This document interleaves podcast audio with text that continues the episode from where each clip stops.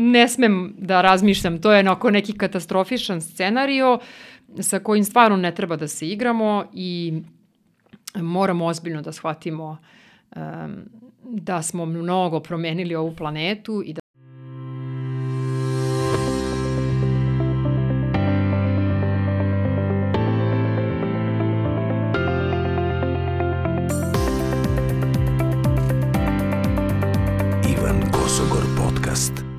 Moje ime je Ivan Kosogor, a sa mnom je danas Jovana Bila Dubajić. Ovo su dva prezimena, da se razumemo od samog starta. Jovana, dobrodošla. Zdravo, hvala na pozivu. Uh, pričamo o pčelama danas. Uh, već pre nego što smo upalili kamere, ti si donela uh, neke primerke. Uh, mnogo stvari si mi rekla u vrlo kratkom periodu i jedva čekam da saznam sve o Uh, pčelama, jer na prvi pogled deluje da, pa pčela, mm -hmm. med, da. kraj. To je prva asocijacija i većine ljudi i onako čak i u nekom opuštenom razgovoru kad me neko pita čime se bavim, šta radim i onda ja kažem e, izuč, bavim se izučavanjem pčela odma je prva reakcija, jao, ima i moj deda, tata, pčelinjak i tako dalje. I onda meni bude žao da kažem, ali ne, moj fokus nije na medonosnim pčelama, naravno bavim se i medonosnim pčelama, već na drugim vrstama pčela, pa onda ide neka pauza i neko zbunjivanje e, kojim, aha, drugim vrstama i onda ja sam već nekako i sama da ne bi ljudima bilo neprijatno jer to je ona vrsta neznanja od šire javnosti koja u stvari ne potiče iz realnog neznanja, nego prosto čini mi se uh, ljudi nemaju gde da čuju to. Ne pominjemo ni u vrtićima, ni u školama, uh, čak mi, meni se čini da i ja kao student biološkog fakulteta da sam tek na fakultetu saznala da postoje i neke pčele koje ne prave med i to ne negde kao sad u Južnoj Africi, ne znam, Južnoj Americi, nego kod nas u Beogradu, u Srbiji, na Balkanu. Ovaj, tako da to ono, čime se baviš, onda ja nekako i preduhitrim, kažem, bavim se pčelama, svim vrstama pčela, čak i onima koje ne prave med. I onda obavezno i objasnim koje su sad, šta je to uopšte.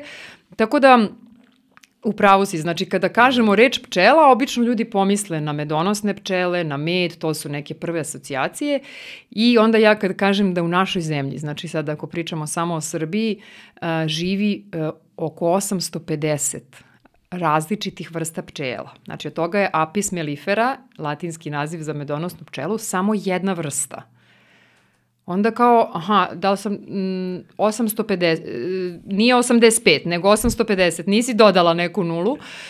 E, onda se još više šokiraju kada kažem, pošto tema mog doktorata, um, ajde i to mo možemo da pričamo kasnije, i menjala sam teme doktorata, u početku je um, prostor istraživanja bio Beograd, tako da sam dosta radila baš na teritoriji Beograda, uh, tako da imam i tu jedan podatak koji će sigurno da zbuni sve koji ovo, ovo slušaju.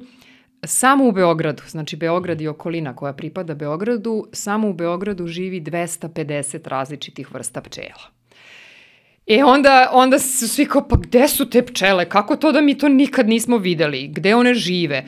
I najčešće pitanje, šta one rade i čemu one služe? I to je... Bukvalno da. sam sada upisao, znači da. šta one rade ako ne prave med, da. ali samo da se vratim jedan sekund, Aha. kad si rekla kako odmah povezuju sa pčelarstvom, kada sam da. rekao tati da danas nije o pčelama, on kaže, reci da ti deda bio pčelar, da ti prade da bio pčelar, i kao, da. uh, mislim, pošto sam te upoznao pre toga, da. mislim da nećemo ići u da, tom da, pravcu da. danas. Možemo svakako da pričamo i medonosne pčele su jako važne i ekonomski u svakom smislu, ali o, ja bih voljela ako išta uspem da prenesem ljudima o, koji slušaju ovaj podcast da su sve pčele važne, ne samo ta jedna koju, koju stvari najviše poznajemo. A ovaj, ne znam šta sam sad, imala sam ne, hiljadu stvari u glavi. Um, šta rade pčele koje ne prave e, med? To, znači, obično to uh, nekako većina ljudi postavi baš to pitanje iz ugla, uh, da ne kažem antropocentrično, znači iz ugla ljudi. Šta, čemu one služe? To je najčešće pitanje. Jer nekako smo navikli da, nažalost, priroda, biljke i životinje nama služe. Znači da mi imamo neku korist od njih. Jel tako? E, a ja stalno onda pokušavam da promenim taj stav da ne treba da gledamo samo to, da li mi nešto koristimo, da li mi nešto jedemo, da li mi ne... Znači, ajmo da gledamo nekako širu sliku, ne samo čemu služe ljudima, nego da vidimo šta one rade, kako one žive, zašto su one važne, ne samo ljudima. Ovaj, tako da um, velika je zabluda da je najveća vrednost pčela u tome što nekoliko vrsta pravi med. Najveća vrednost pčela je u stvari u tome što oprašuju biljke cvetnice. Inače, biljke cvetnice, imamo različite grupe biljaka, one koje prave cvet, da kažem, koje imaju cvet, one u stvari, njima je potrebna pomoć prilikom oprašivanja.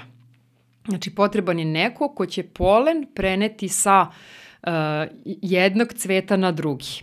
Mnogi biljke se oprašuju vetrom, imamo i neke koje se oprašuju s pomoć vode i tako dalje, ali one biljke koje su dominantne na našoj planeti, pričam sad o kopnenim ekosistemima, to su biljke cvetnice.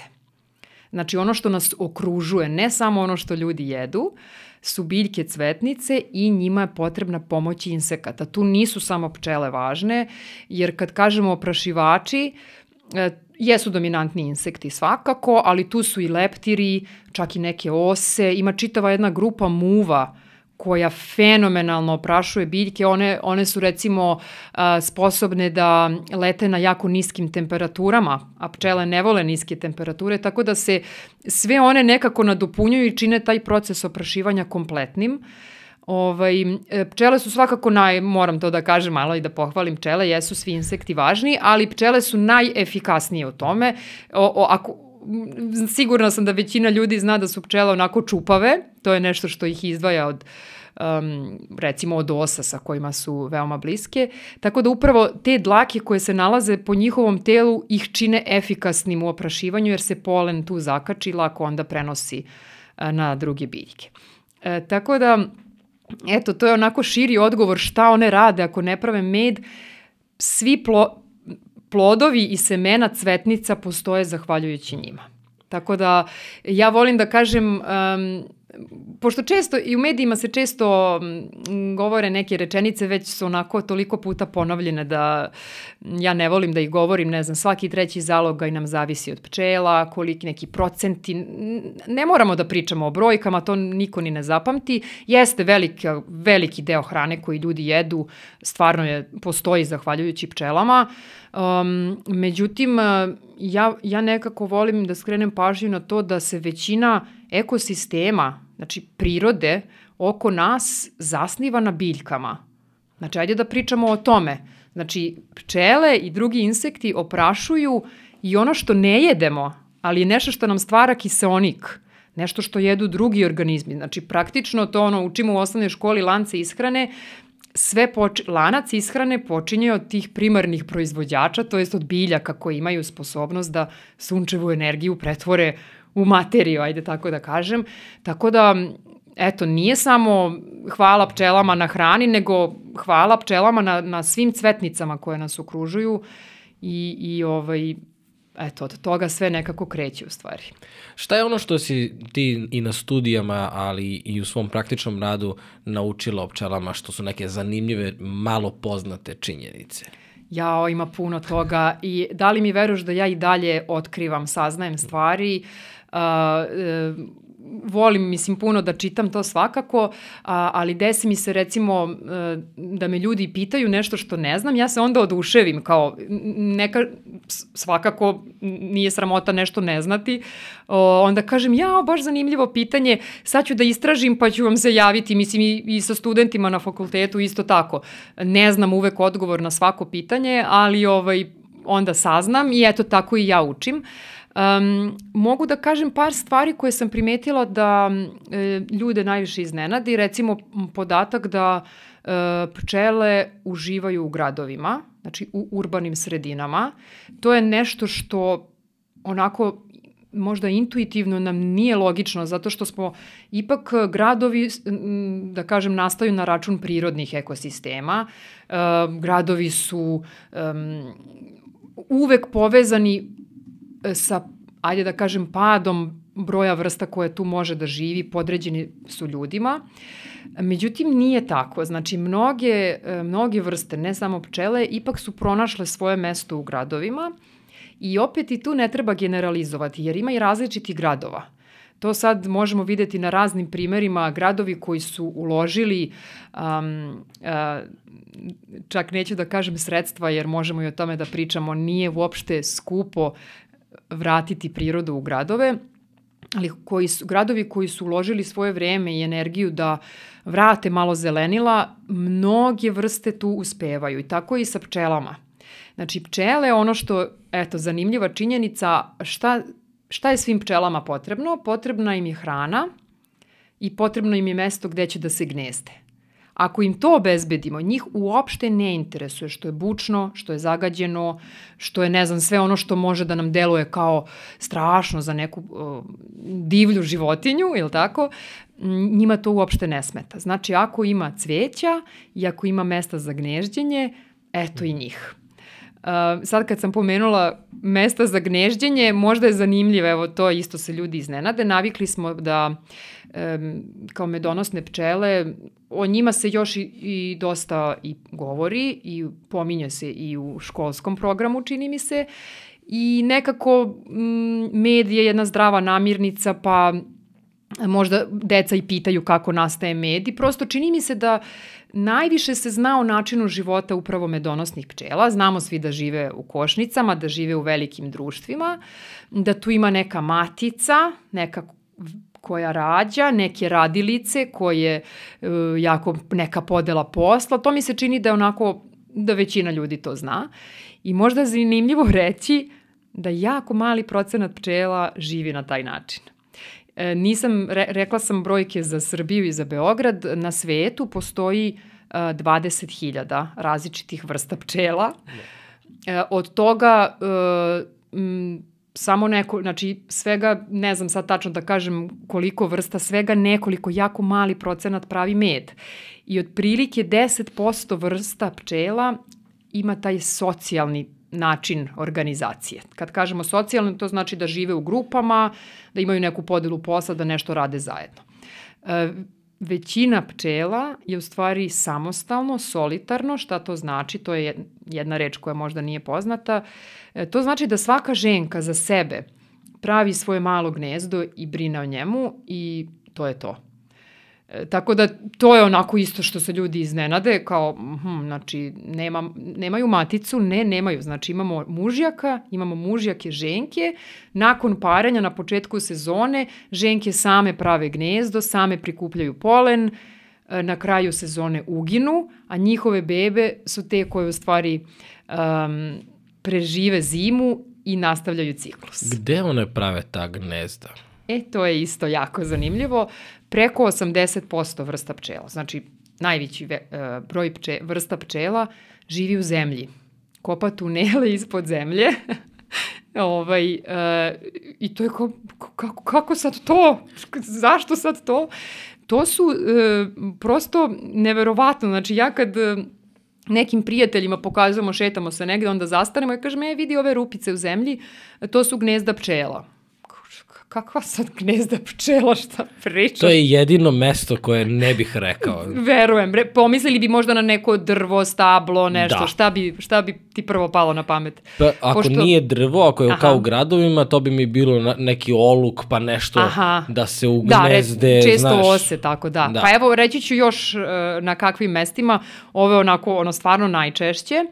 Uh, dakle, kopaju tunele u različitoj podlozi. Nekad je to zemlja, nekad je to čak i pesak, Znači neke jako vole ta, tu podlogu, meni prosto onako nezamislivo kako kopaju tunele u pesku, kako ti tuneli opstaju u pesku, međutim one imaju, e, izlučuju različitu materiju koja drži te tunele čvrstim. Ovaj, neke čak ne vole horizontalnu podlogu, nego traže neke lesne oceke, neke vertikalne ovaj, e, podloge gde mogu da kopaju i prave svoja gnezda. Uh, Uh, pored toga imamo mnoge koje traže šuplje stabljike, uh, to je biljaka. Znači u prirodi pronalaze, uh, ja najviše, najlakše to objasnim, znate recimo bambus ili trska. kako izgleda. Onako je šuplja, ali tako, stabljika. E pa ima dosta takvih biljaka koje dobro nisu tako takvog velikog obima, ali prosto one se u nekom momentu i prelome, e, imaju tako, tako izgledaju da su unutra šuplje i one pčele uđu unutra i naprave gnezdo. E, takođe, i ovo je definitivno najzanimljivije i to znam kad držim deci radionice, to je hit hitova. Imamo čak dve vrste pčela u, naš, u Srbiji e, koje gnezda prave u praznim ljušturicama od puža. Znači, pronađu kada pu, puž više nije živ, neki insekti dođu tu pojedu ga, ostane pražna, prazna ljušturica i imamo neke pčele koje ženke, znači dođu, očiste tu šta još ima, naprave gnezdo, zapuše, čak ga malo i sakriju, donesu neke travčice i, ovaj, i njihove bebe tu pre, e, provode zimu i razvijaju se. Znači u tim gnezdima one se e, iz jaja transformišu u larvu, pa ide me prezimljavanje uglavnom i onda u odraslu jedinku i sledeće sezone prokopavaju sebi put i izlaze kao odrasle jedinke. Znači potpuno potpuno je u stvari jedan drugačiji vid života nego medonosne pčele e, kako se razvijaju i kako žive. Koliko dugo žive pčele? Sad kažeš jedna sezona, mm -hmm. da li je to, i šta podrazumevaš pod jednom sezonom? Da, e, I, I tu je onako, nije jednostavan odgovor. Ajde da kažem šta je većina. Većina pčela jedinki živi jako kratko. Znači živi mesec dana, dva meseca. E, za to vreme one moraju ceo svoj cikl, znači kao završavaju kao odrasle jedinke. Znači počne, izađu iz gnezda, razvile su se odrasle jedinke, uglavnom ide prvo parenje, pronalaze šupljinu za gnezdo, sakupljaju materijal, sakupljaju polen, ostavljaju što više jaja mogu, zapuše to i to je to. Znači imaju dva meseca za to, to je sve. Zato su, one, zato su um, divlje vrste pčela u stvari osetljivije nego medonosna vrsta koja praktično živi tokom cele vegetacijske sezone, jer zamislite ako imate dva meseca da uradite sve što imate u vašem životu, da ostavite što više potomaka, ako je tad neki nepovoljni period, neko možda preterano prskanje pesticidima ili tako nešto, mnogo ostavlja traga na sledeću generaciju. Uh, postoje, ovo sam rekla, znači kako većina živi, mesec dana, dva meseca. Ima i nekih vrsta pčela koje žive i duže, po nekoliko meseci. Ima čak i među ovim divljim vrstama ima nekih koji imaju ajde da kažem, petogodišnje cikluse. Znači i kod njih ima određeni, e, kod nekih vrsta takođe postoji određeni nivo socijalne organizacije. Nije onakav baš kao kod medonosnih pčela, ali postoji podela posla, um, duži je znači životni vek i tek Mislim sad ovo onako dosta može izbunjujuće delovati, ali recimo te što imaju petogodišnji ciklus, to je majka i ćerke i sad e, ima neka podela posla, one tu sve rade, tu provode zimu zajedno i tek poslednje godine se rađaju mužjaci koji se onda pare i taj petogodišnji ciklus kreće ponovo. Znači, e, odgovor je u stvari raznovrstan koliko je, su raznovrsne pčele. Dosta je onako kompleksno. Uh, inače, možda zanimljivo da kažem da i medonosne pčele pojedinačno ne žive dugo, ali se one stalno se rađaju nove radilice. Uh, jedna radilica živi svega 4-5 nedelja. Znači, ne živi duže od toga. Ali, kažem, one stalno umiru i stalno se rađaju nove. Tako da mi to ni ne primetimo. Medonosne pčele onako uvek ih ima puno. Uh, Postoje periodi godine kad je, da kažem, u košnici više pčela, manje pčela i imamo, e, kod medonosnih pčela imamo takozvane zimske pčele koje žive nekoliko meseci. Njihova, da kažem, jedina uloga je da greju maticu preko zime, ne naprave jednu loptu oko matice, e, to se zove klube, unutar te šupljine gde žive, greju je, pro, prosto cilj mi je ne izlaze napolje jer nema cveća, hladno je, e, Tako da te radilice žive nekoliko meseci, ali ove što viđamo, e, znači od recimo marta meseca do kasno u jesen, one žive svega nekoliko e, nekoliko nedelja. Kad se pčela rodi, sad otvorila si nekoliko, Aha. nekoliko tema, kad se pčela rodi, koliko je potrebno, mislim, u kojoj veličini se ona rodi, koliko je potrebno da postane pčela koju mi viđamo svakog dana. Da, to je, deca obično uče, ima onih ilustracija e, metamorfoza leptira. Pa imamo, ne znam, jaje koje je neki kružić, pa ne znam, imamo nekog, e, dobro, za leptira je gusenica. Uh, pa onda imamo ono što zovemo lutka, što se onako okači negde i onda imamo iz te uh, lutke ili pupe, zavisi kako ko zove, izlazi leptir. I to onako deca nauče. U stvari je, ajde da, da pojednostavim, vrlo slično i kod mnogih drugih insekata. Znači imamo jaje, pa larvu, to je neka forma crvića, taj crvić upravo jede polen koje, koji majka donese. I onda se ona takozvano ulutka, znači napravi se taj crvić, napravi mm, ne, neku formu oko sebe, ne znam kako to jednostavno da objasnim, i ide u, unutar tog kokona, mi to zovemo i kokoni, ide metamorfoza, e, tako provodi zimu i kad nas, kad otopli, znači na sledeće proleće ili na sledeće leto, zavisi koja je vrsta u pitanju, um, ona u stvari se pretvori u odraslu pčelu. Tako da zavisi, kažem opet i koja je vrsta u pitanju, a za te, u stvari si me pitao koliko to sve traje i to zavisi kako kod koje vrste. Obično e, forma e, kad je jaje u pitanju, to kratko traje, obično brzo postane crvić koji jede, jede, jede, raste, raste i relativno brzo se napravi lutka. Najduže e, traje taj stadijum lutke u stvari koliko pčela ima očiju, koliko ima nogu, koliko ima Aha. krila, e, može, te neke može. osnovne da, da. činjenice. I da li sada zavisi od vrste do vrste ili... E, sad ću da ti kažem ovako, znači svi insekti, sve što spada u insekte ima šest nogu. To je onako, znači paukovi, škorpije, često ljudi kažu pauk da je insekt, nije insekt, potpuno jedna grupa um, ovaj, u životinskom svetu. Znači, ako ima šest nogu, to je insekt. I onda u okviru te velike grupacije imamo neke opet podele, pošto čovek voli da pravi stalno neke podele da bi prosto lakše shvatio ovaj svet, tako da imamo podele na, na neke redove, na neke porodice. E, pčele su inače ja, e, stvari jako srodne sa mravima i osama i zajedno su svrstane u uh, opno, takozvane opnokrilce. Uh, imaju dosta zajedničkih karakteristika, možda ne zvuči da je tako, ali jeste. Kad pogledamo, svi oni imaju onaj, ono suženje, imaju onaj struk, da tako kažem. A, e, I to se nekad ne vidi tokom leta, ali pčele i ose, kad smo već kod njih, e, imaju četiri krila. Znači dva krila sa jedne strane tela i dva krila sa druge. Međutim, one nekako tokom leta spoje e, u jednu jedinstvenu ploču i onda to delo onako kao dva krila, a u stvari ih je četiri. Um, koliko očiju ima, to je isto jedna od činjenica koja je jako zanimljiva. Pčela ima pet očiju. ima u stvari dva ona velika oka koja vidimo kad gledamo pčelu e, i to zovemo složene oči. I ima tri prosta oka e, koje su u stvari tri tačkice na vrhu glave koje kod krupnih pčela može lepo da se vidi.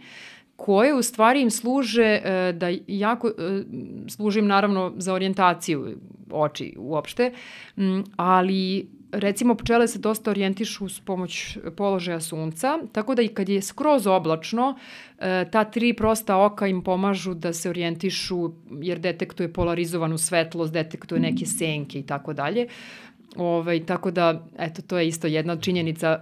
Deca to obožavaju, pčele imaju pet očiju, to je ono vrh najzanimljivije. Inače, ja volim da stalno pričam pogotovo deci, da ih naučim kako da prepoznaju pčele, ose, muve i e, često je pitanje da li treba da ih se plaše. Nekako mi odrasli u stvari prenosimo taj strah na decu. Deca se rode bez strahova e, i ja nekako volim da tako krenemo, da stvarno nema potrebe za strahom, pogotovo na cveću. Znači, inače, evo mogu da objasnim, e, insekti koji prave tako velika gnezda kao što pravi medonosna pčela, to socijalni insekti, neke ose, stršljeni. Oni, to sigurno svi znamo, brane svoja gnezda. Mnogo su uložili u njih, tu im je hrana, tu su im potomci. Sigurno da će braniti ako se približite gnezdu, e, suviše blizu ili ne de Bože s nekim, ono, deca su radoznala s nekim štapom, nešto. E, svakako je nije preporučljivo i jako opasno. Međutim, insekti na cveću koji su tu došli da sakupljaju hranu. Njih ljudi apsolutno ne zanimaju. Znači, vi ste im kao neko drvo, nešto koje treba zaobići. Naravno, pčele, uh, uh, inače ženke pčela imaju žalku, mužjaci ne mogu da vas ubodu, samo ženke mogu da vas ubodu i ako vi sad, ne znam, rukom uzmete pčelu, naravno da će vas ubosti. Mislim, meni se desilo jedna situacija da sam nešto zamahnula rukom, kako se to desilo, ne znam, zapala mi je za, za vrat i ja sam se počešala preko pčele i ona me je bocala. Znači, ako je pritisnete, ona će vas ubosti, ali bilo koja druga situacija, znači da vi pčelu posmatrate izbliza na cveću, to apsolutno, apsolutno je potpuno bezbedno, nema nikakvog razloga za strah. Ovaj, I sad nemam pojma šta sam počela i kako sam Čak došla. Čak i ako da... pčela sleti na tebe. Da, ne. ne. Neće biti ništa? Sigurno. Znači 100%. Ima evo još jedna zanimljivost. Imamo čitavu jednu grupu pčela i žive u našoj zemlji. Um, nemam baš adekvatan prevod, um, ali na engleskom se zovu sweat bees, sweat kao znoj, koje vole da uh, slete na, na ljude i da ližu znoj, jer tako dobijaju određene soli. Ja, I to, one su inače dosta sitnije od medonosnih pčela, to je toliko slatko. Znači, ona, ona sleti na vas i vi možete da vidite njen jezik kako pova... Znači, čak možete i da ne primetite koliko je to ne, ne, ne osjećate. Jedino ako je vidite, zanimljivo je posmatrati. Tako da stvarno ne treba mahati rukama nešto, ne znam šta, jer tako možete u stvari slučajno da je pritisnete. Ako ona sleti na vas iz kojeg god razloga, nema šanse da vas ubode. To joj svakako nije prioritet. Ako je pritisnete, ubošće vas. Jel pčele uginu kada, kada ubodu? E, to je isto jedna od, um, kako da kažem, um, dobro poznatih činjenica, ali koja važi opet samo za medonosnu pčelu. Mm Znači, samo radilice medonosne pčele uginu nakon uboda. Zašto? Zato što imaju um, ajde da kažem, reckavu žalku, nakon nazubljenu, tako da kad probije kožu, ona ne može više da izvuče. Žalka ostane zaglavljena i praktično deo utrobe pčele ostane sa tom žalkom na vašoj koži ovaj, i o, o, pčela ugine. Znači, radilice, rekla sam da i one pojedinačno žive kratko, njima je, e, one ubadaju samo kada, znači, brane maticu, brane košnicu, brane svoje društvo i kažem opet ako je pritisnete isto će vas ubosti. Um, a sve druge vrste pčela nemaju takvu žalku, imaju glatku kao iglica neka i mogu da vas ubodu više puta.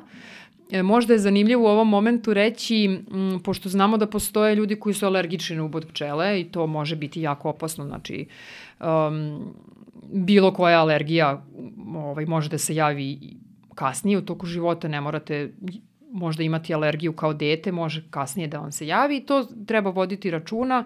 Ovaj, um, najgore u stvari kad ne znate da li ste alergični, pa ako se nađete negde uh, u nezgodnoj situaciji, ali voljela bi da, da kažem još jednu činjenicu. Ljudi su razvili alergijske reakcije na vrste sa kojima su bili jako dugo u kontaktu.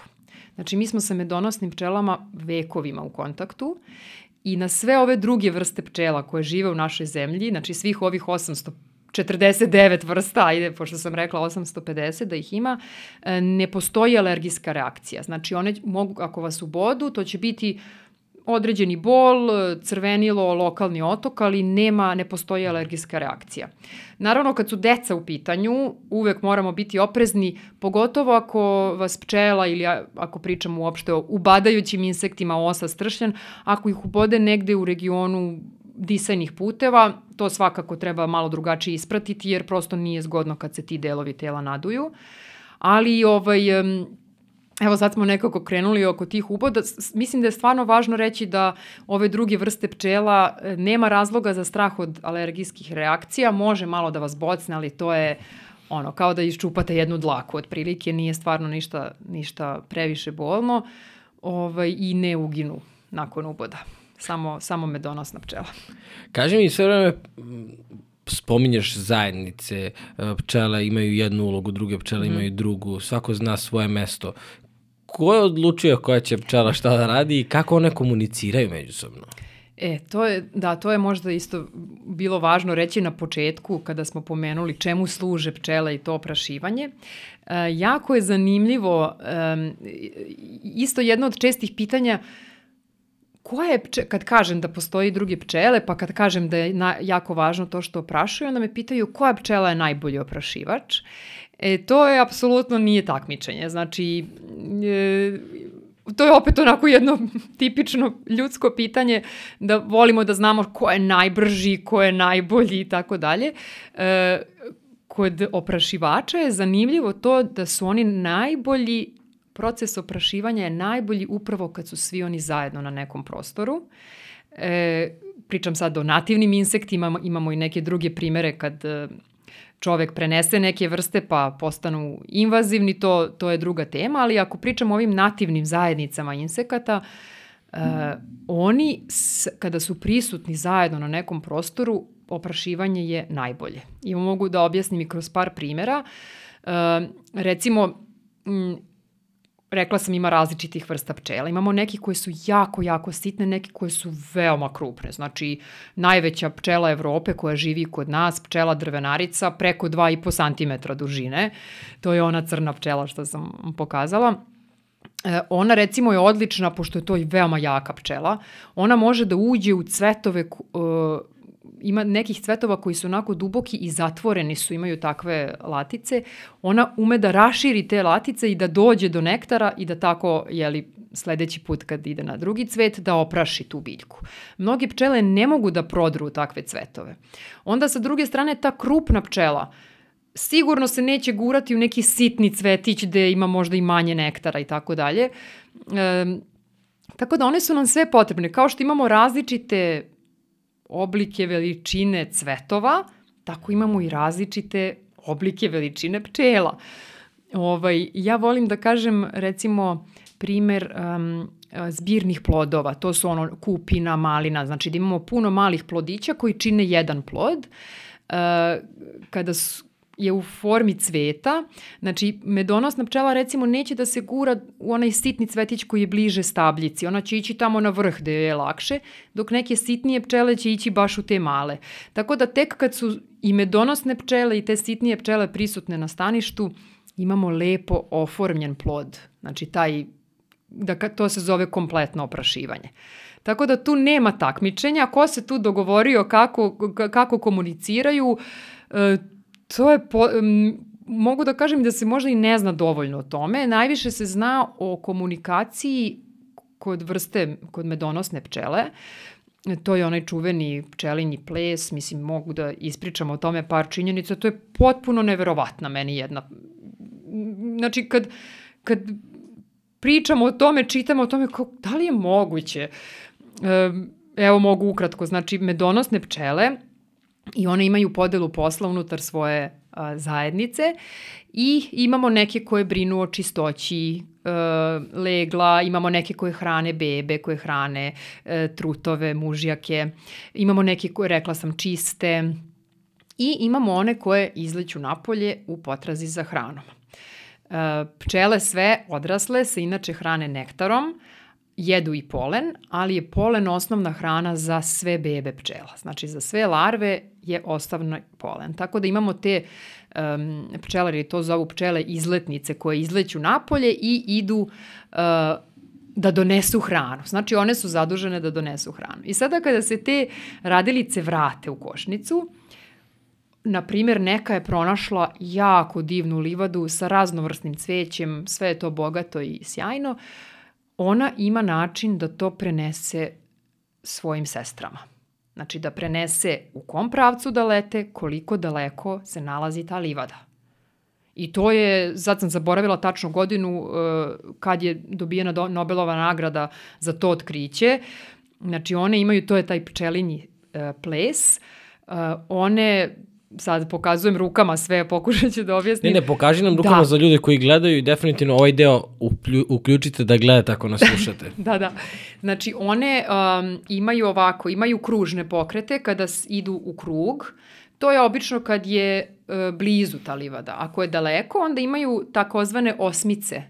Znači, koliko puta mrdne guzom, to je određeni broj metara i ima kako se postavi, to znači idi u odnosu na sunce, ne znam, da, severo, ne znam, istočno, idi severo-istočno toliko metara. To je neverovatno. Znači, e, pritom, to se sve dešava u mraku. Znači, u košnici je mrak. Pčela kad uđe u košnicu, tu je mrak. I ja uopšte ne mogu, postoji tu i prenos vibracijama, one se dodiruju antenama, znači ima tu, razi, ali taj pčelinji ples je meni potpuno ne, nešto neverovatno. E, takođe, pčele medonosne kada se roje, to je jedan prirodni proces e, e, podele društva, znači kada se popuni ta šupljina u kojoj oni ži, one žive, e, društvo se deli na pola. Znači, zamisli se sad neku kuću, gomilu vas ima i kaže tajmo da se podelimo na pola, pola će da ode na neko drugo mesto. To se zove rojenje.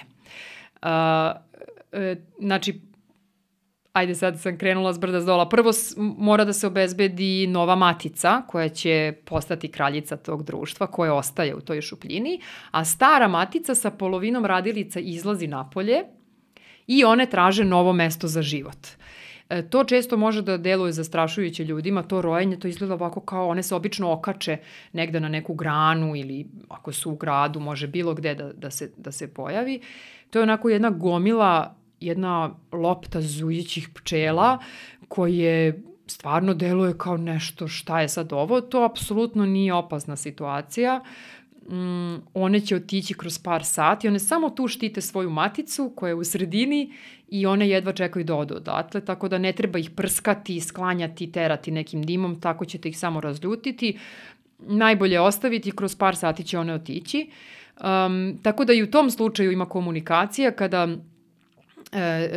te, sada ih zovemo izvidnice, malo, malo pre smo rekli izletnice, ovo su izvidnice koje idu, na, idu uh, iz te grupe, traže novu povoljnu šupljinu, vraćaju se i govore šta je koja našla i onda odlučuju koju će od tih, ne znam, 5-6 pronađenih šupljina da odaberu za svoj novi dom. Znači, to jel, zvuči kao da izmišljam ovo sve da, ili da je neki film. Bukvalno sam sad teo ti kažem kao da. da pričamo o nekom filmu. Da. Znači, mogli bi da zamislimo možda, ne znam, pse, ko, ono, životinje koje kao smatramo inteligentnim da kao ima neka komunikacija, nešto, kao insekt, to nam je onako kao pomislili bi tu postoje neki feromoni, neki mirisi, ne znam, mužjaci i ženke se nađu na osnovu mirisa, to je to, koji imaju neke instinkte, ali ne, ovo je prava komunikacija.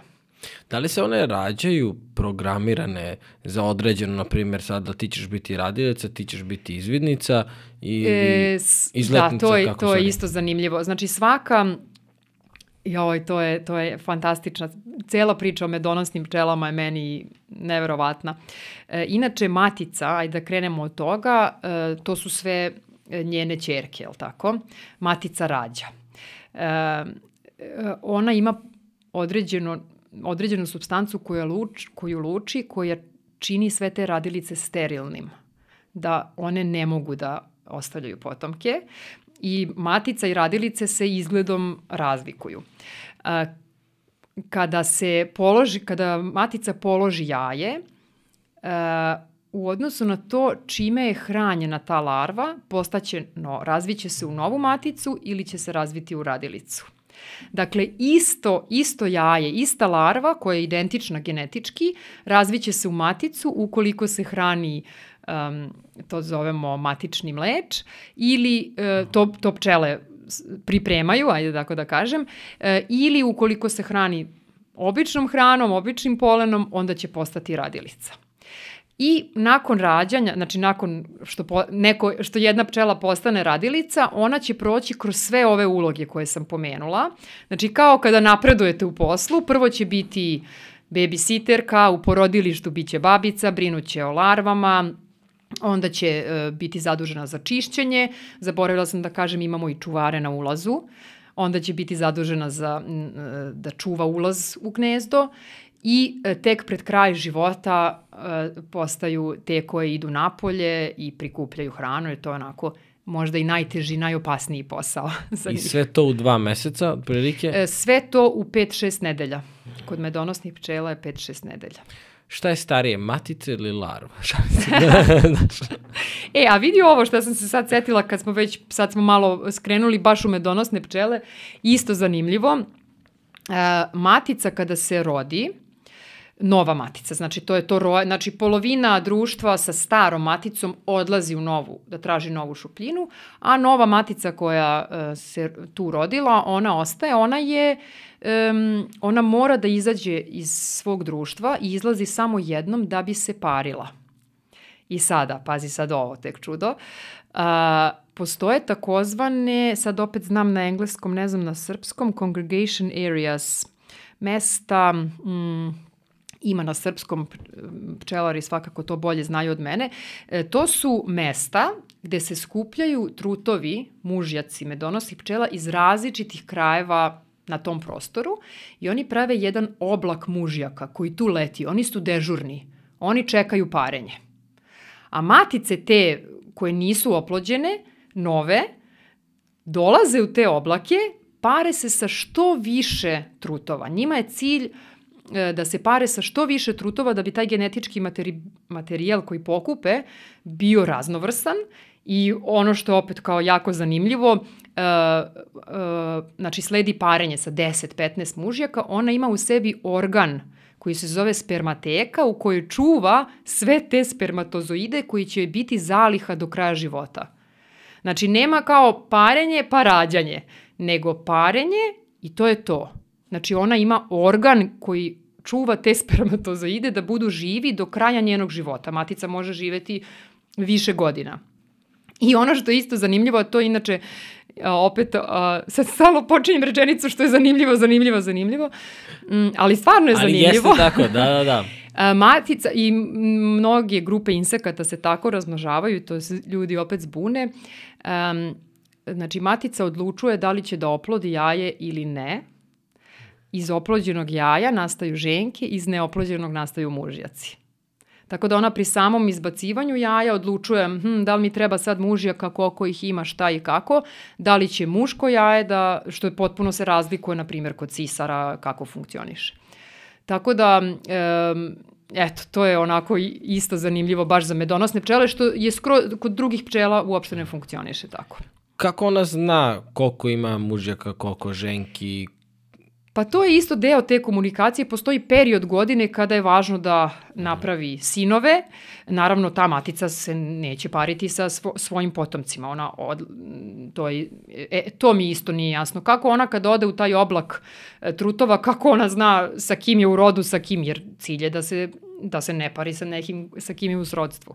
Tako da to je sve onako još uvek meni potpuno neobjašnjivo kako trutovi znaju gde da dođu. Znači, to jeste sve povezano s nekim mirisima, jer oni tu kruže dokle god imaju snage, onda se vraćaju u košnicu da se odmore. Inače, trutovi mogu da kažem kao njihov jedini cilj, kod medonosnih pčela opet kažem, um, kod drugih se razlikuje, njihov jedini cilj je parenje.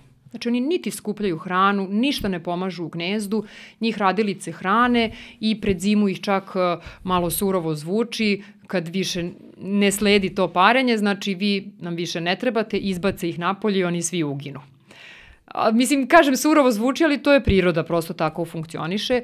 Tako da kako matica zna, ima periodi godine kada je bitno da, da zaleže e, neoplođena jaja, kada su potrebni trutovi, a periodi godine kada nisu i ovaj, to su ti neki instinkti Svakako neverovatno. Sad pričamo o medonosnim pčelama. A šta da. je sa pčelama koje nisu medonosne, koje žive kao individue, kako se one dolaze da. do partnera, da li one komuniciraju jedna sa drugom, da li ima tog nekog plesa ili nekih smernica Uh, ima i tu svega i svačega, kod medonosnih pčela je jako specifično, skroz se razlikuje, znači ove sve druge pčele, ili ajde da kažem većina, uh, uh, nema tih uh, mesta gde se grupišu mužjaci. Uh, mužjaci pronalaze ženke na osnovu mirisa, oni su ti koji prvi izlaze iz gnezda na početku sezone, bukvalno čekaju ženke,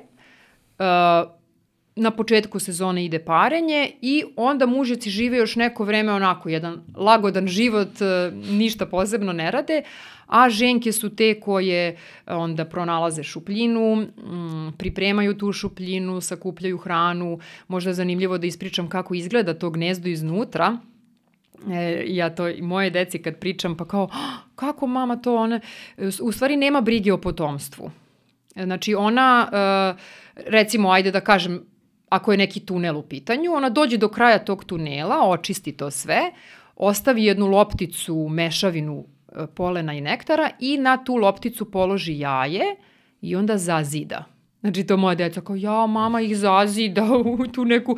Znači svako jaje ima svoju odvojenu sobicu, mi to zovemo ćelija ili komora, i ide dalje, popunjava dalje. Opet loptica hrane, jaje, zid. Loptica hrane, jaje, zid, dok ne popuni skroz. Onda lepo zapuši taj tunel i ona ide dalje. Znači, ako ima još života u njoj dok ne ugine od starosti, ona traži novu šupljinu. Ona se više tu ne vraća. Tako da e, bebe same o sebi brinu, znači ima taj fa faza larve, crvića, kada jede tu hranu koju je majka ostavila, ide to ulutkavanje što smo pomenuli i čekanje da prođe zima. Kako ona zna da treba da napravi te sobice ako recimo nije videla od njene majke da treba, mislim... To, da, to je isto zanimljivo, to je potpuno instinktivno. Znači, to je neki deo gde, je ono, možemo da kažemo u njihovom DNK, znači ide tako, to radi i uh, onako po nekom šablonu. Ima, kažem, i ovih drugih vrsta pčela divljih koje imaju te petogodišnje cikluse, one mogu i da vide, isto ima neka smena podela posla, smena dužnosti, to je malo drugačije, ali kažem, ove solitarne, ovo što sam opisala je tipični ovaj način. Imam još par tehničkih pitanja Aha. što se tiče pčela. ovaj, koliko one brzo lete, koliko, da li ima neka informacija kao koliko kilometara pređu za života, da li će da pređe, ne znam, aj sad na nivou Srbije, da li će od Novog Sada da ode do Niša. Evo, možemo malo o tome, to je zanimljivo. Baš me pre neki dan na radionici jedan dečak pitao koliko brzo pčela letuje, nisam pojma imala. Znači, ko čekaj, koliko brzo, znam koliko daleko. Onda smo uzeli Google, potražili, naravno različito je za različite uh, vrste pčela, zavisi od njihove veličine i negde smo našli da otprilike najviše podataka ima za medonosnu pčelu, uh, otprilike nešto 20 km na sat, tako nešto. Znači, mogu jako brzo da lete, ali um, letenje je dosta energetski zahtevno. Nijedna pčela ne ide kao sad idem što dalje u, znači u zabavu, ne. Znači, da pronađe idem, sebe. da, idem da vidim šta tamo ima. Ne, idem do prve hrane i da se što pre vratim u gnezdo. Pogotovo za solitarne, ove koje žive samostalno, je to jako važno, zato što one nemaju čuvare na ulazu u svoje gnezdo. Znači imamo razne pa patogene parazite koji mogu da uđu u to gnezdo i da unište sve za što se ona trudila. Tako da je njoj cilj da se što pre vrati. E, I to je ono što ovaj što stalno govorim ljudima, um, nemojte, oč kad me pitaju šta mogu da urade da pomognu pčelama, pa kažu ja nemam dvorište, nemam baštu, šta ja mogu, gde ja...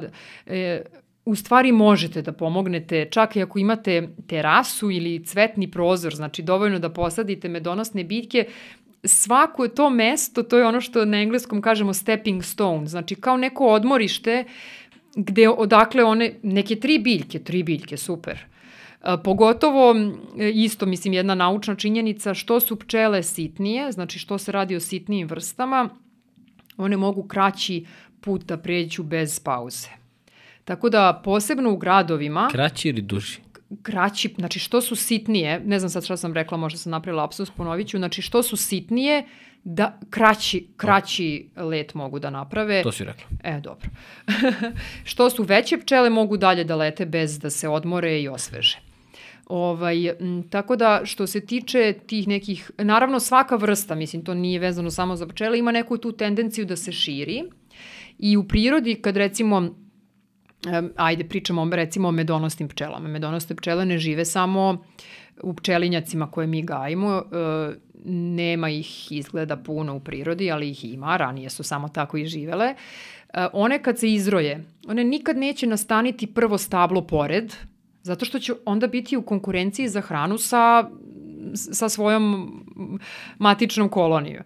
Znači one, one će i to da unesu u svoju odluku. Gde idu, koliko daleko idu, da im bude dobro, a da ne budu suviše blizu da prosto ne budu, biće gladne jedne i druge, znači hrana je ograničena, ovaj, tako da e, vrste inače imaju tu neku tendenciju da se šire, samo to je širenje jako lagano, nemaju taj neki cilj kao zacrtan idem sad što dalje, ali uzimaju sve i svašta u obzir. Gde je povoljna hrana, kakvo je okruženje, gde sam u odnosu na, na e, druge pripadnike moje vrste i biraju mesto za, za život. E, zanimljivo je, recimo možemo da pomenemo i ovo, um, kod nas i uopšte u Evropi pojavila se jedna azijska pčela, E, to je inače prva um, strana egzotična pčela koja je uspela, znači mnogi su uspele da dođu na veštački način, ljudi donose i prenose sve i svašta, ali ovo je jedina vrsta koja je uspela da se uspostavi, da uspostavi svoje populacije i da se proširi širom Evrope. Zove se azijska pčela smolarica e, i mi već nekoliko godina pratimo njeno širenje mi na biološkom fakultetu e, i ona se recimo jako brzo širi um, mogu, mogu da objasnim i zašto. Nama je, recimo, kod tog istraživanja uh, fenomenalno e, je ispalo jer smo, da kažem, pokrenuli jedan projekat građanske nauke. To je opet jedan prevod uh, onoga što se zove citizen science, što nije toliko zastupljeno kod nas.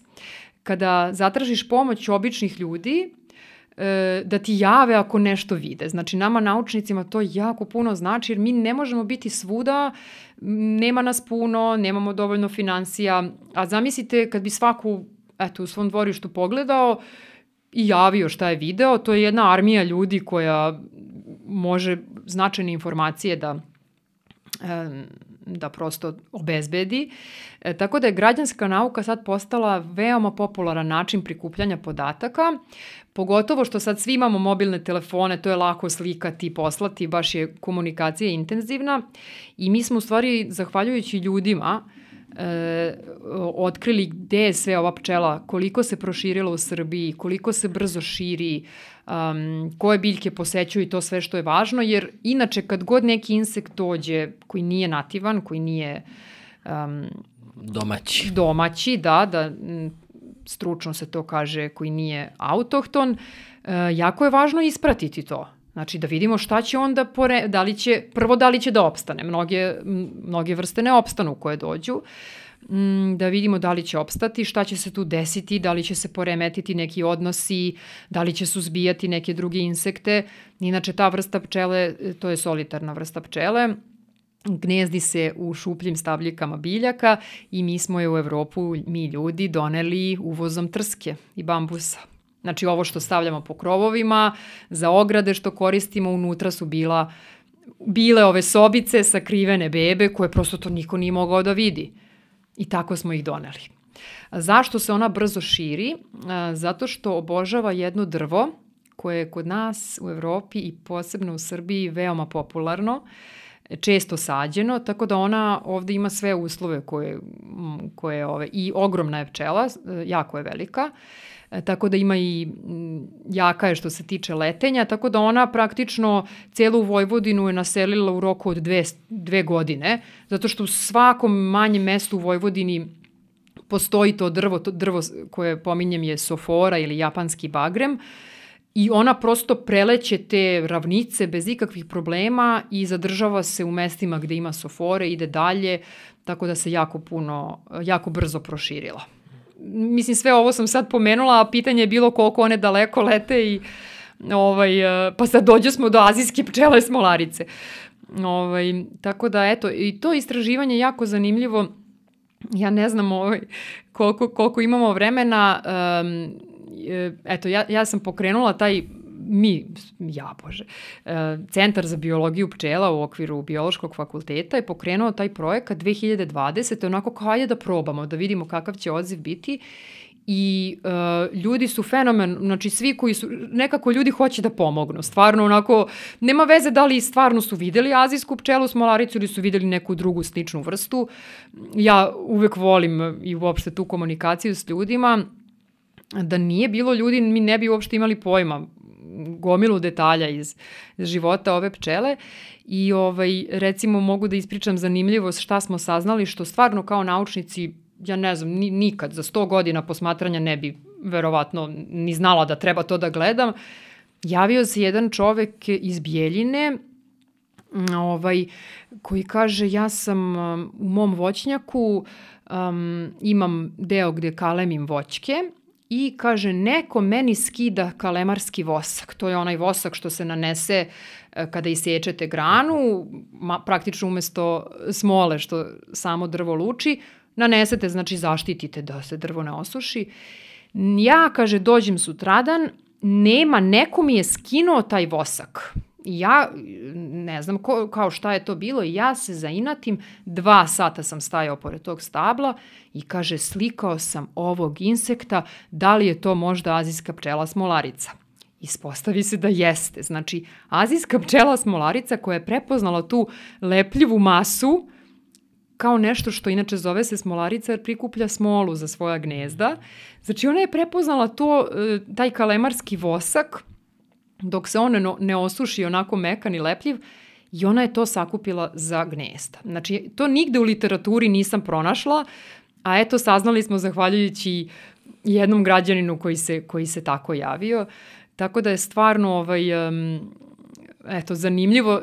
Ja kažem, svaki taj projekat je i prilika da se priča o pčelama, ljudi se često i plaše, znači kad vi vidite neku crnu veliku pčelu pa kažete da je to azijska, uh, Pa sad eh, često su pitanja da li će ona krasti med, šta će ona sada tu uraditi.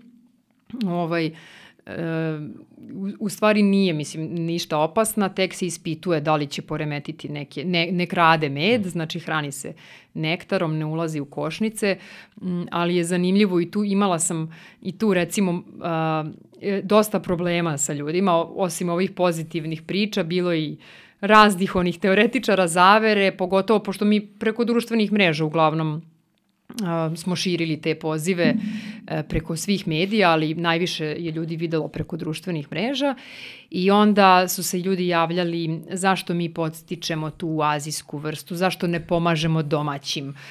Ja onda kao pa ne, mi ne pod, mi baš zbog domaćih izučavamo ovu da bi videli da li treba da se nešto interveniše, šta treba da se radi. Tako da sa ljudima je uvek zanimljivo raditi, ima i pozitivnih iskustava i negativnih, ali definitivno zanimljivo. Uh, rekla si mi par nekih situacija i kada ti u Beogradu skupljaš da. pčele. Da. mm. Da, prvih par godina mog doktorata, posle sam prome, promen, e, promenila sam temu, znači e, tema je bila poređenje zajednice pčela u centru Beograda u odnosu na periferiju. Tako da su moje tačke gde sam vršila istraživanje parkovi Beograda. I onda, ovaj, eto tako, kolege dele slike sa terena, neko je na Durmitoru, prelepom, ne znam, po nekim planinama, a ja sam, ono, pored kontejnera u centru Beograda ovaj, i stvarno je bilo milion situacija i zabavnih i smešnih. Mislim, ja verujem stvarno da je čudno kad vidite osobu sa nekom mrežicom, pritom entomološka mrežica m, izgleda malo čudno, jako je dugačka i tako dalje, koji ono bulju u neko cveće 15 minuta, nešto zahva, zamahuje, hvata.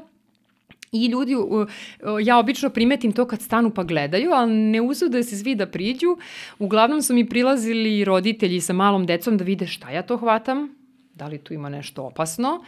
I prilazili su mi penzioneri, oni onako imaju vremena i vole da pričaju i ja stvarno sam uživala, mm, ovaj, evo pozdravljam sve građane ako se neko seća razgovora sa mnom, provela sam sate u razgovorima sa ljudima um, i upravo sam tu shvatila u tim godinama mojih e, terena na, po parkovima po centru Beograda koliko e, ljudi žele da znaju o pčelama, koliko se iznenade na neke stvari i koliko to nije zastup, koliko, evo upravo ovo što smo ovde pričali.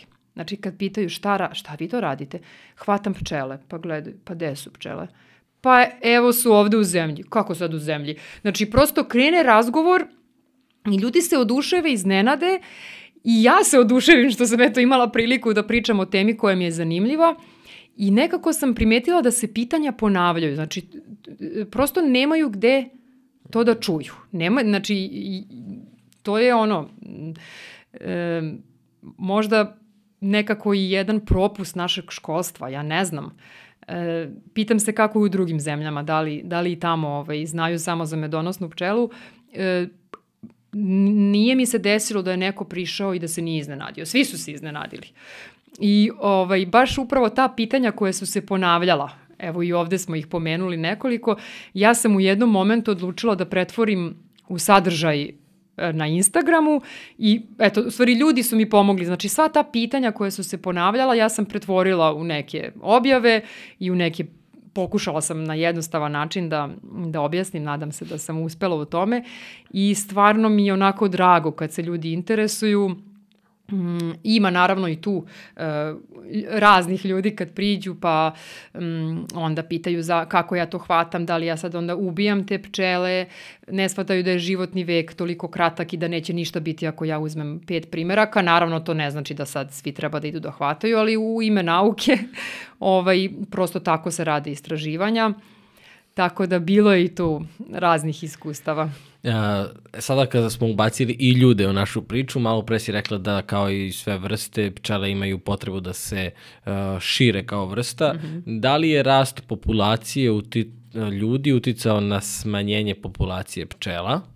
E, tu ima uh, dvostruki odgovor, zavisi koja vrsta. Kada su medonosne pčele u pitanju, da. Broj košnica na svetu danas je veći nego ikad. To je još jedna od zabluda koje su jako česte. Um, onaj apel koji sigurno smo čuli sto puta spasimo pčele, pčele umiru, se pretvorio u spasimo medonosne pčele. A njima u stvari to je jedina vrsta koju ne treba spašavanje. Znači, malo se to izgubilo u prevodu, od te silne, sad su pčele dobile nekako pažnju u medijima, ali na potpuno pogrešan način, zato što se činjenice prenose samo delimično i tako nekako brzo živimo, niko ne proverava činjenice, svi samo imaju neke clickbait naslove. Znači, to spasimo pčele, ljudi su nekako to shvatili kao, aha, da bi spasao pčele, ajde da vidim da stavim dve, tri košnice u moje dvorište. A niko nije rekao koje pčele su ugrožene i kako im pomoći. E, inače, kad štitimo bilo koju vrstu, mi ne umnožavamo tu vrstu. Mi štitimo njeno stanište i mi joj obezbeđujemo uslove koje ona traži. Dakle, dodavanjem novih košnica u vaše dvorište ništa nećete uraditi, pogotovo zato što ćete pomoći jedno jedinoj vrsti koja, kojoj ne preti izumiranje. Znači, medonosna pčela Možda ste čuli za to masovno odumiranje pčela. Um, pa to se i vidi na ulicama, ne znam, evo sada gde mi živimo u San Diegu, da. na trotoaru često viđam uh, pčele koje su pale da. i pre, pre možda par nedelja pre nego što smo došli ovde, uh -huh. uh, sam vidio jednu pčelu koja se muči da leti. Da, da, da, nešto nije u redu. Sam, da, da, uh -huh. stavio sam prut popela se na prut i ja sam je onako nosio kao, išao sam kao neki ludak u šetnju sa pčelom. Sa štapom. I da, da, stvarno. I doneo sam je ovaj, kod nas u dvorište i spustio sam je na uh mhm. -huh. jedno mesto gde sam video neke druge pčele pored Aha, cveta. I neko. posle par sati sam otišao da proverim i nije bilo. Aha, znači da je odletela. Pa to je verova, mo, može svašta da bude. Možda je malo zakačio i neki auto, pa se malo ošamutila. Može da bude neko lokalno prskanje pesticidima, nekom mm. hemijom. To je jedna velika pretnja za sve pčele i za sve insekte.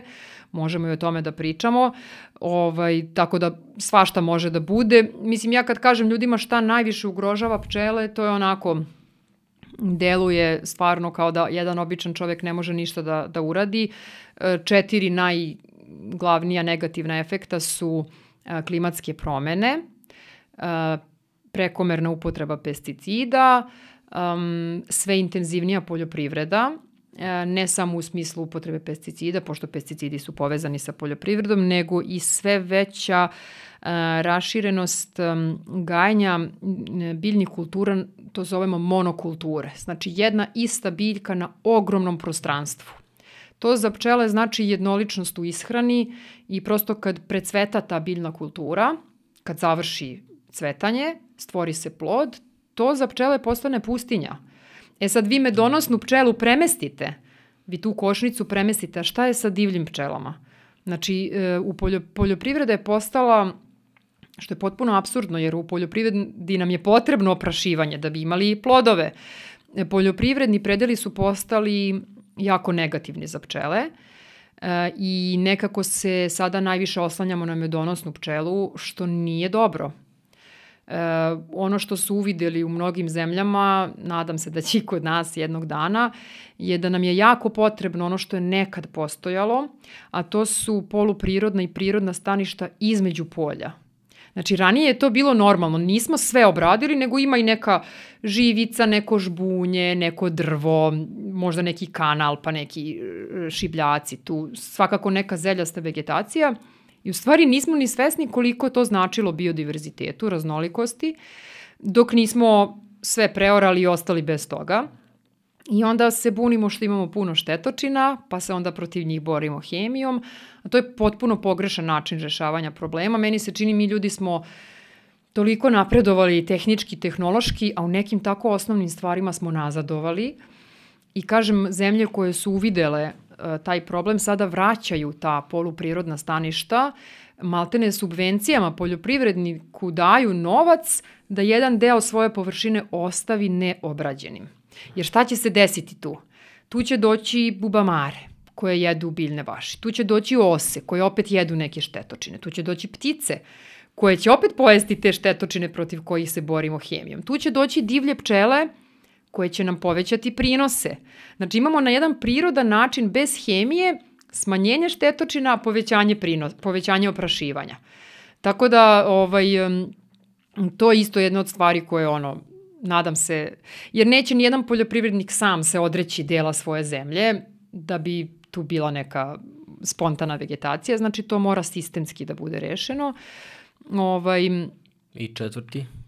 Uh, da, klim, da, klimatske promene, to sam pomenula kao prvo, mislim, to je posebna tema. Znači, dolazimo u situaciju da neke, e, pošto su neke pčele jako povezane sa određenim biljkama. To zovemo specijalisti. Znači, specijalizovani da oprašuju samo te biljke i te biljke mogu biti oprašene samo nekim vrstama pčela i sad dolazimo zbog klimatskih promjena u situaciju da se razmimoilazi vremenski period kada cvet taj procveta i vremenski period kada je pčela aktivna.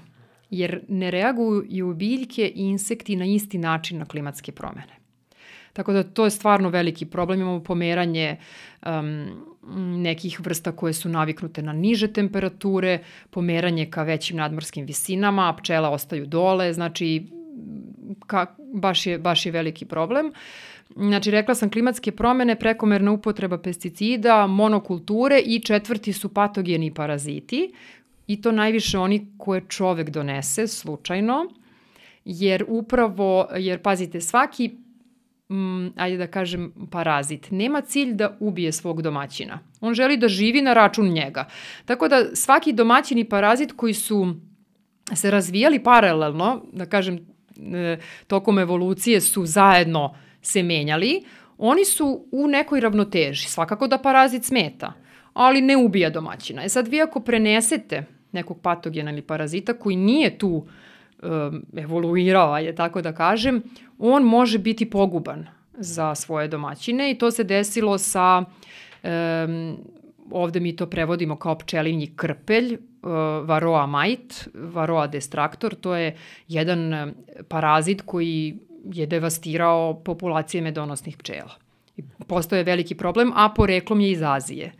Tako da, eto, to je četvrti ovaj, najnegativniji faktor, ti patogeni paraziti koji utiču na, na sve pčele i moram da kažem, um, volela bih da pomenem i malo sam počela pre jedno 10 minuta pa sam opet skrenula um, ovo što smo počeli, taj apel spasimo pčele se pretvorio u spasimo medonosne pčele. Uh, primećujem sve češće da upravo zbog tog e, neznanja, to niko ne radi namerno, e, kompanije, banke, razna neka udruženja postavljaju košnice na svoje krovove, košnice medonosnih pčela i pominju kako pomažu biodiverzitetu, kako su, predstavljaju se kao neka zelena opcija i tako dalje Kažem opet, verujem da to nije namerno, verujem da je to iz neznanja, ali ako samo prevedemo ovu reč biodiverzitet, prevod bi bio biološka raznovrsnost, pa evo mogu polako da kažem tu reč raznovrsnost, znači razne vrste.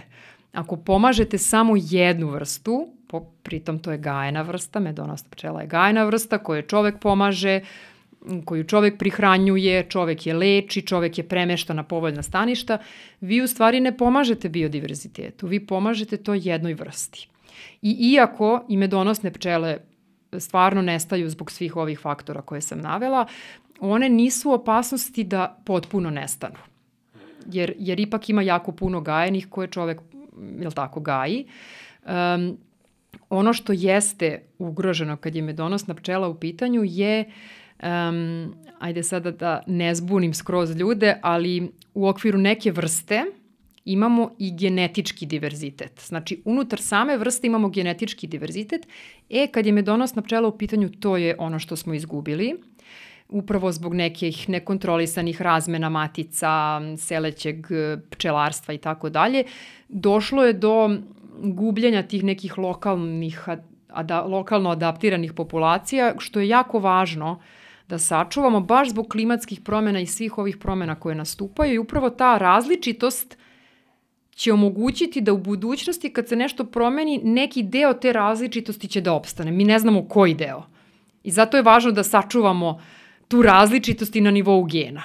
Tako da medonosna pčela kao vrsta neće nestati, ali bojim se da smo jako puno degradirali uh, na nivou genetičke različitosti i da tu treba malo više da posvetimo pažnje i onda mm, opet da se vratim na ovaj apel, znači spasimo pčele ne znači staviti dve košnice na krov, spasimo pčele znači saditi medonosne biljke, znači smanjiti upotrebu pesticida, e, to znači. Tako ćemo pomoći i pčelama i drugim insektima i sve ukupnoj raznovrsnosti. To je nešto i što svako od nas može da uradi. A kažem opet, voljela bih da to bude i sistemski rešeno. Mm, ima puno lepih primjera po Evropi gde su shvatili da um, pomoć biodiverzitetu ne mora puno ni da košta, Znači, to nije nešto što, ja kad pričam o tome, onda svi kažu, ma ajde taj tvoj biodiverzitet, koliko to nas košta? Uh, rešenja koja mogu ukratko da, da predočim su u stvari jeftinija nego alternativa. Dakle, jedno od rešenja je podsticanje samoniklih biljaka. Ne kupujte egzotične, prelepe biljke, pod, znači, sa, ostavite, ne, to se ni ne sadi. Znači, maslačak, bela detelina, E, lamiju, mrtva kopriva, to su sve biljke koje žive na našem području, koje su medonosne i koje su veoma otporne. Znači tu, tu su, vi ne morate ni da, kako da kažem, da se toliko ni brinete o njima. Vi ako neke vrste zasadite, pa to morate zalivati, pa tretirati nečim, pa ne znam nija. Znači, podstaknimo ono što je nativno ovde. To je prva stvar koju možete da uradite. Sledeće, i to ono što sam htjela da pomenem, što su uveli u praksu mnogi gradovi, to je to sistemsko rešenje, e, takozvano mozaičko košenje. A, to je možda termin koji nije toliko poznat. Šta to znači? To znači ne kositi celu e, površinu odjednom. Ostaviti neke delove nepokošenim, jer upravo ćemo tako omogućiti pčelama i drugim insektima da imaju gde da se sklone. E sad će ljudi pomenuti krpelje, ne znam, zmije. E, takođe šta su uradili mnogi gradovi? Odredili su e, površine koje su prioriteta za košenje i one koje nisu. Znate koliko ima površina koje su pod nekim nagibom, koje se uopšte ne koriste, koje bi mogli da ostavimo pčelama? Tako da nisam ni ja za to da sad kao vratimo se u džunglu i da sve zaraste i živele pčele, ali postoje načini, znači svaku u svom dvorištu može da ostavi neku štrafticu cveća, zašto da ne? Znači ne moramo sve da ogolimo, ovaj, možemo eto i mi da uživamo, a da uživaju i pčele. Tako da, eto, nije čak ni skupo. da, da. E, kaži mi, pričala si o građanskoj nauci, mm -hmm. e, na društvenim mrežama ste aktivni, e, ti imaš i svoj profil. Da. Gde ljudi mogu da, da ti šalju ako nešto vide što je zanimljivo i što je tebi potrebno? Kako mogu da te pronađu? Da, e, imamo zvanični um, sajt Centra za biologiju pčela. Uh, doduše tamo nema puno, ima podataka baš o ovom projektu, to je onako jedno zvanično mesto gde mogu da pronađu kontakt. Znači samo upišete Centar za biologiju pčela. Ostavit ću ja sve linkove, e, nego samo ti da im kažeš da li je ok da, da šalju na Instagramu, e. na Faceu, da li ima neka grupa. Da, na Facebooku nisam toliko aktivna, nekako ne mogu da pokrijem sve, društvene mreže su različite, ne može se na isti način pristupiti ovaj, svim društvenim mrežama pa se onako ponavljati. Tako da sam ja najviše aktivna na Instagramu i to je onako u moje slobodno vreme i tamo je više opuštenije uh, ovaj, i ja jako volim kad mi se ljudi jave, kad mi pošalju neku sliku pčele, pitaju šta je ovo, um, prosto krenemo u neki razgovor, um, da se smanji taj strah, da se smanji to neznanje jako mi je drago što imam intenzivnu komunikaciju, kažem, možda ne odgovorim odmah uh, uvek, ali svima odgovorim uh, čim nađem vremena. Uh, ostavit ćeš link da ne govorim, može i po mom imenu i prezimenu, da se nađe profil, ali stvarno jako volim i kad me taguju u storiju i kad mi pošalju neku sliku, tako da eto, za sva pitanja, znači može putem maila koji možete naći na zvaničnom sajtu, a može i, i preko Instagrama, to je ovaj I spominjala si u nekoliko navrata radionice sa decom, mm -hmm. gde mogu ljudi da se prijave, kako da dođu, da li je to u Beogradu? Da, ja za, ja za sada uh, držim radionice sama, praktično volonterski, ono, u pauzi od posla, bukvalno skoknem do neke škole ili do nekog vrtića ili se nađem u botaničkoj bašti i to je stvarno uh, jedan deo onoga što radim što najviše volim. Uopšte mi nije u opisu posla. Znači ja radim na fakultetu, bavim se naukom, um, radim i u nastavi, znači to je sve dosta vremenski zahtevno. Tako da radionice za sada nisu nešto ustaljeno što se dešava redovno, već kako se dogovorim sa, sa kim. Ovaj, ljudi su me uglavnom i na Instagramu pronalazili. Znači neke vaspitačice mi pišu, ja, ovo je baš zanimljivo, ali bi došli kod nas i onda se dogovorimo. Um, sad recimo sam držala nekoliko radionica i shvatila sam, a držala sam i nekoliko panela sa odraslim ljudima.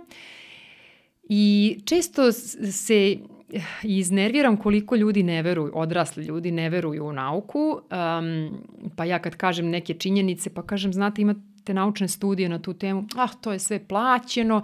Ja kažem, časopis Science i Nature ne može biti plaćeno, znači ne može biti potkupljeno, ne bi bilo objavljeno da nije provereno, ali prosto nekad nailazim na neki zid, na to neko neverovanje u nauku i onda još uvek pronalazim da ne umem da se ne iznerviram, da ostanem smirena i često uđem u neki sukob uh, kad, se, kad krenu te teorije zavere, prosto ne znam kako da odgovorim na to.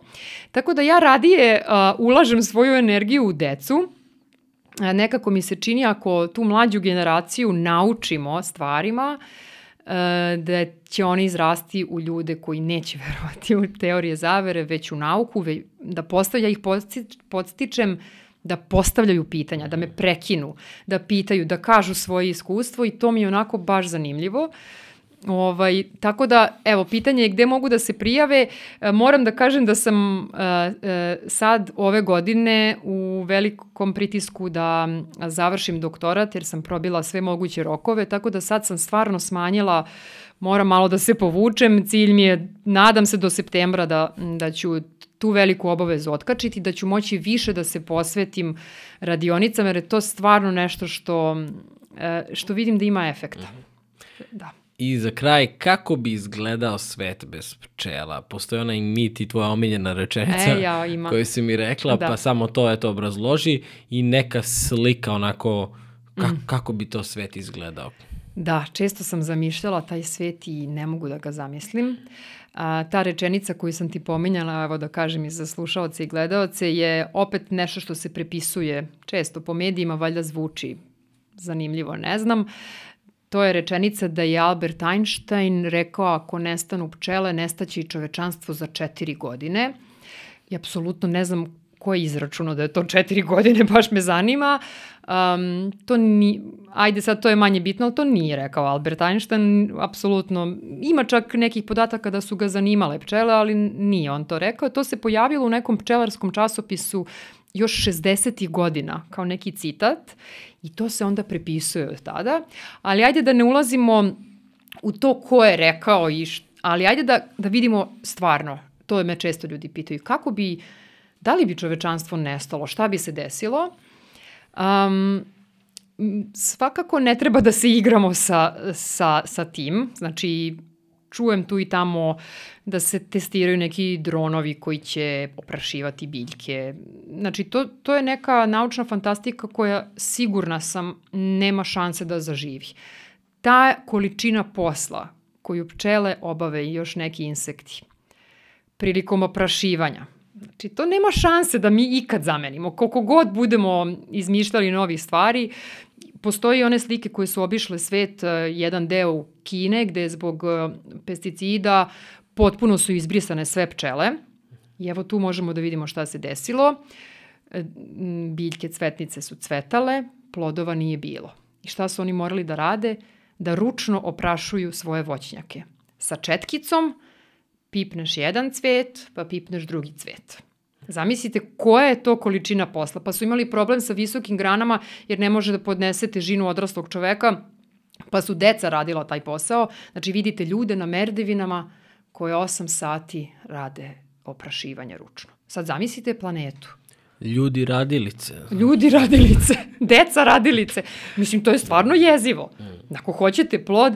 I sad da se vratimo na ovo kako ja to zamišljam, Uh, svakako se ništa ne bi desilo za četiri godine, uh, ali promene bi se desile nekako gledano na duže staze, ljudi ne bi umrli od gladi. Znači, pomenula sam, mnoge biljke se oprašuju vetrom, sve žitarice se oprašuju vetrom, nisu im potrebne pčele, ali bi naša ishrana bila daleko manje raznovrsna, manje zdrava i e, došlo bi do velikog poremećaja, mislim da ne kažem počevši od ekonomskih promena, jer mnogi poslovi zavise upravo od e, te stabilnosti u snabdevanju hranom. E, pa onda dalje, sve cvetnice koje nas okružuju, koje ne jedemo, ne bi opet bile oprašene. Znači, kroz neki niz godina više ne bi bile dominantne.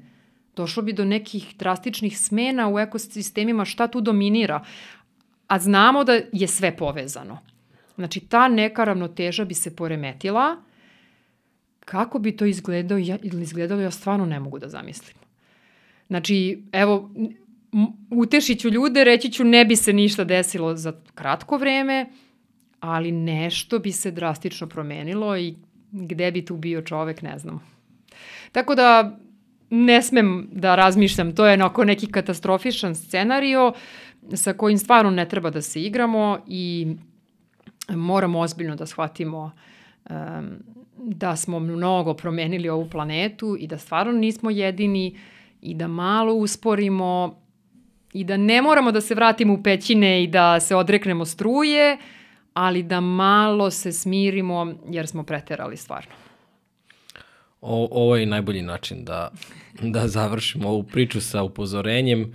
Hvala ti Uh, hvala ti što si došla prvo kod nas u podcast, ali hvala ti na, na svemu ovom što radiš, na edukaciji, obrazovanju e, i prosto širenju ove zdrave uzbune, tako ću da kažem, pa, po znacima navoda. A ja sam baš htela tebi da se zahvalim, hvala što pomažeš da se ova priča proširi, jer ja uh, ono, na sve moguće načine pokušavam da dođem do ljudi i svakako stvarno cenim kad god me neko pozove. Eto, da našli pričamo. smo se. da. našli smo se. Uh, hvala svima koji slušate i gledate ovaj podcast. Najbolji način da nas podržite jeste da se prijavite na ovaj YouTube kanal ili preko bilo koje podcast aplikacije na koje nas trenutno slušate. Drugi najbolji način jesu naravno PayPal, jednokratne donacije i Patreon. Hvala svima koji to redovno činite. Vidimo se sledeći put.